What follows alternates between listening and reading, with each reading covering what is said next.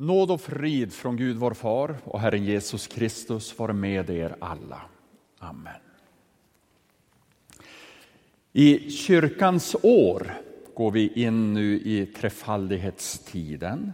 Och trefaldighetstidens färg den är grön, precis som den årstid vi befinner oss i. Och liksom sommaren handlar om handlar också trefaldighetstiden om liv och växt och mognad. Växt och mognad i det kristna livet. Och det är inte en tillfällighet då att den första söndagen i trefaldighetstid har temat vårt dop. Eftersom det kristna livet börjar med dopet. Och med dopet följer som sagt ett liv.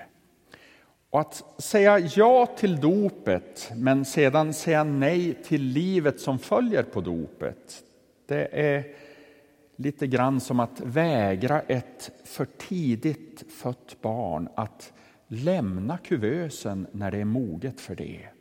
Och det är ju alldeles orimligt. Vi vill att ett barn ska växa och mogna. Det är så självklart, även om vi vet det kommer att bli växtverk och hormonrusningar i puberteten så vill vi ändå att barnet ska växa. Vi vill inte att barnet ska ligga kvar där i en kuvös när det fyller 18 år, eller hur? Och så stora kuvöser tror jag för övrigt inte finns.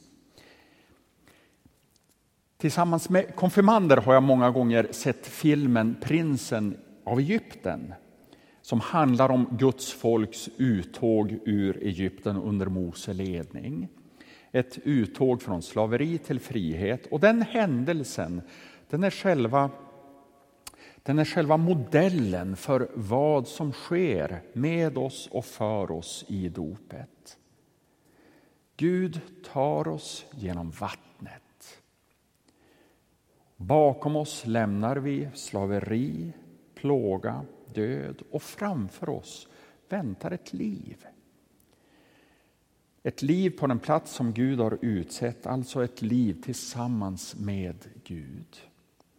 Att säga ja till dopet, men att säga nej till livet som följer skulle ha varit som om Israels folk hade satt sig ner på stranden där på andra sidan Röda havet och blivit kvar där, inte rört sig ut ur fläcken. Öken, torr, steril öken istället för ett hägrande mål om ett liv i ett land som Mose gång på gång uttrycker det, flyter av mjölk och honung. Själva sinnebilden för människorna då om ett liv i överflöd. Konfirmander får tillfälle att säga ja till sitt dop i konfirmationsgudstjänsten. Men låt det vara väldigt tydligt att därmed är inte målet för den kristna vandringen nått och vandringen avslutad. Oavsett ålder så är vi alla här inbjudna att utforska livet som följer efter dopet. Livet som följer i dopets kölvatten. Vi hörde texten ur Hesekiel.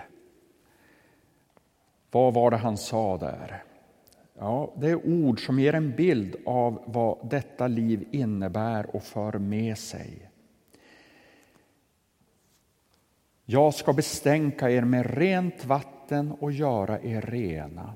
Jag ska ge er ett nytt hjärta och fylla er med en ny ande. Jag ska ta bort stenhjärtat ur kroppen på er och ge er ett hjärta av kött.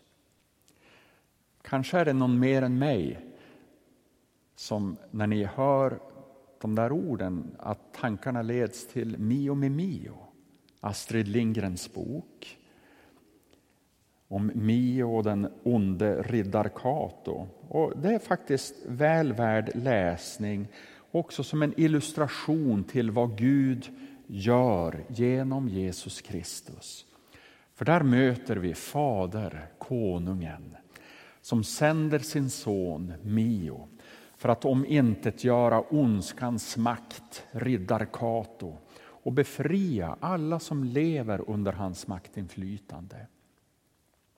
Mio träffar en svärdsmidare som ger honom det, det svärd som kan skära genom sten. Och när Mio undrar varför han behöver ett svärd som kan skära genom sten, då svarar svärdsmidaren, jo det ska du, det ska du få veta. Det här svärdet, det är inte smitt för de goda och oskyldiga.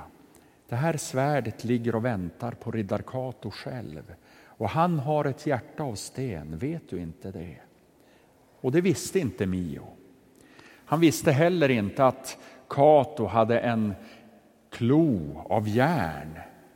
Och på frågan vad han gör med sin klo av järn svarar svärdsmidaren, han river ur hjärtat, ur bröstet på folk.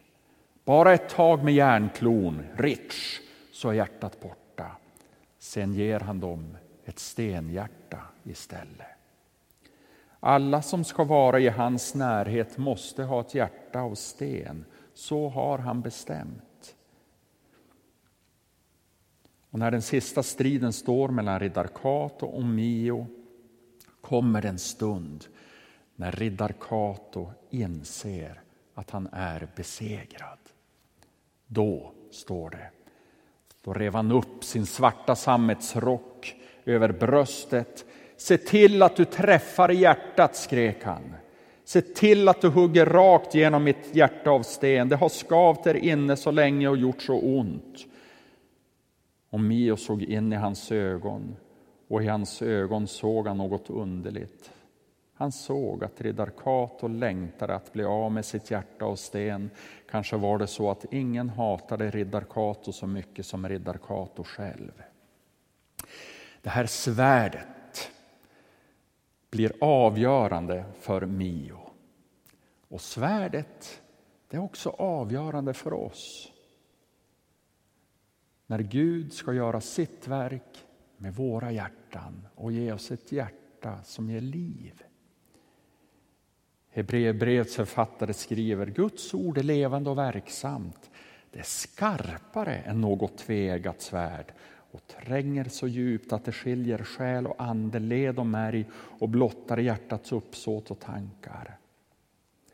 Jag ska ge er ett nytt hjärta och en, låta en ny ande komma in i ert bröst.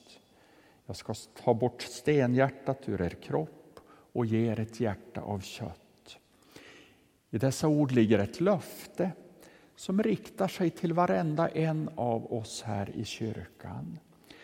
För det kristna livet, det handlar inte om att nå konfirmationsålder eller myndighetsålder eller pensionsålder och sen tänka, ja men nu är jag framme, nu var jag klar, nu är jag färdig.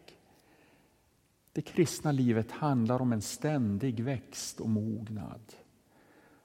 Och därför får man inte tro att dessa profetens ord om liv, om upprättelse, om förvandling, om en ny värdighet, en befrielse. Ingen får tro att de orden har spelat ut sin roll på grund av att man skulle ha kommit fram, att man är färdig redan eller redan gått igenom det.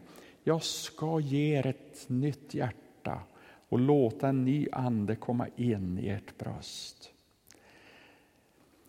Och Bibeln är tydlig på den här punkten. Lösningen ligger inte att genom olika metoder söka svaren inom sig själv. Där finner man om möjligt mer sten och smågrus. Ja, lösningen består i att Gud utifrån till dig med sitt svärd som är hans ord löser dig från det som binder och ger dig förutsättningar för ett sunt och gott liv. Ett hjärta inte utav sten utan ett hjärta pulserande av det liv som Jesus Kristus vunnit genom sin seger på korset. En seger över skuld, över skam, över synd, över ondska, över död. Så säg inte bara ja till dopet, utan säg också ja till det liv som följer på dopet. Amen.